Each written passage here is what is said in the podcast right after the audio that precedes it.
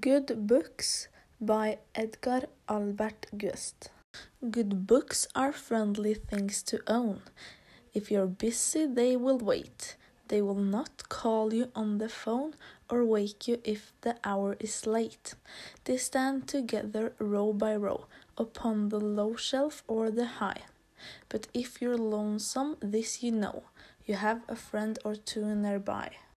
The fellowship of books is real. They're never noisy when you're still. They won't disturb you at your meal. They will comfort you when you are ill.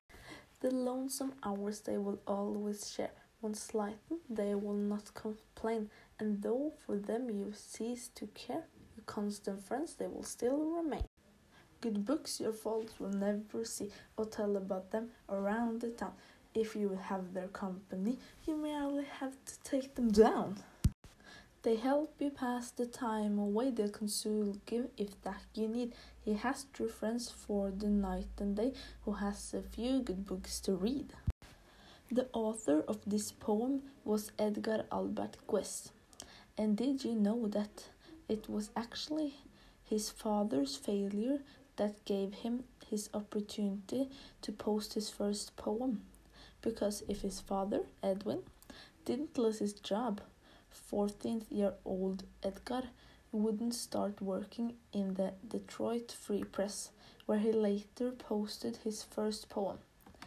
Edgar was born August 20, 1881, and he died August 5th, 1959.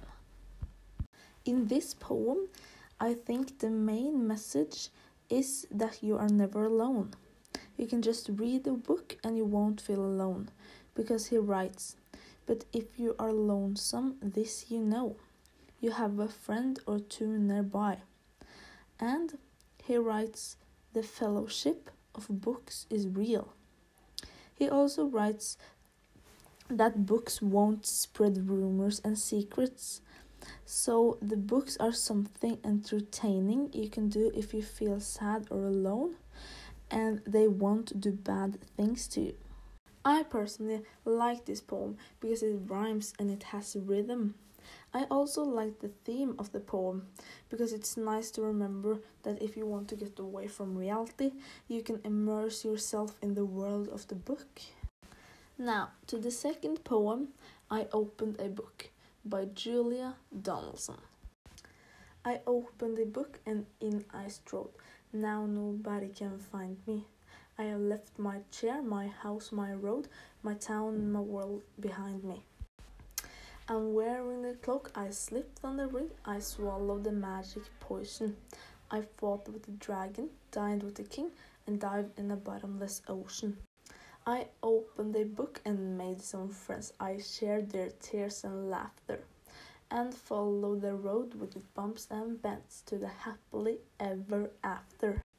I finished my book and out I came. The cloak can no longer hide me.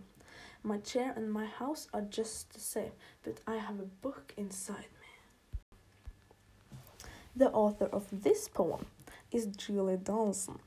She is also the writer of the book the Gruffalo, which is a book almost all children have heard. The Gruffalo was a book inspired of one of her songs, A Squash and a Squeeze, because she was actually a songwriter for children's television. I think that's part of why I like this poem because it feels like it's a poem you can sing. This poem has some irregular verbs.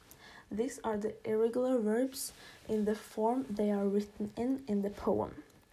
Have, hide, came, made, left, wearing, thought, and are.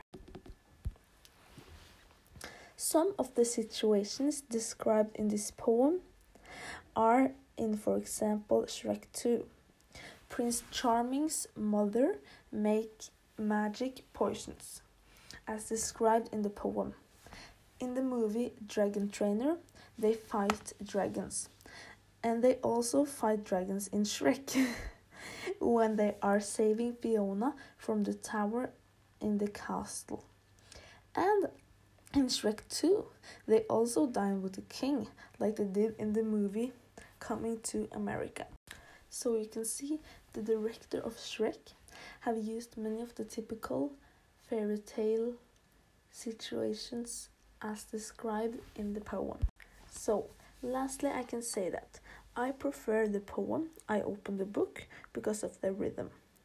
I enjoyed how it described that feeling you can only get from reading a book.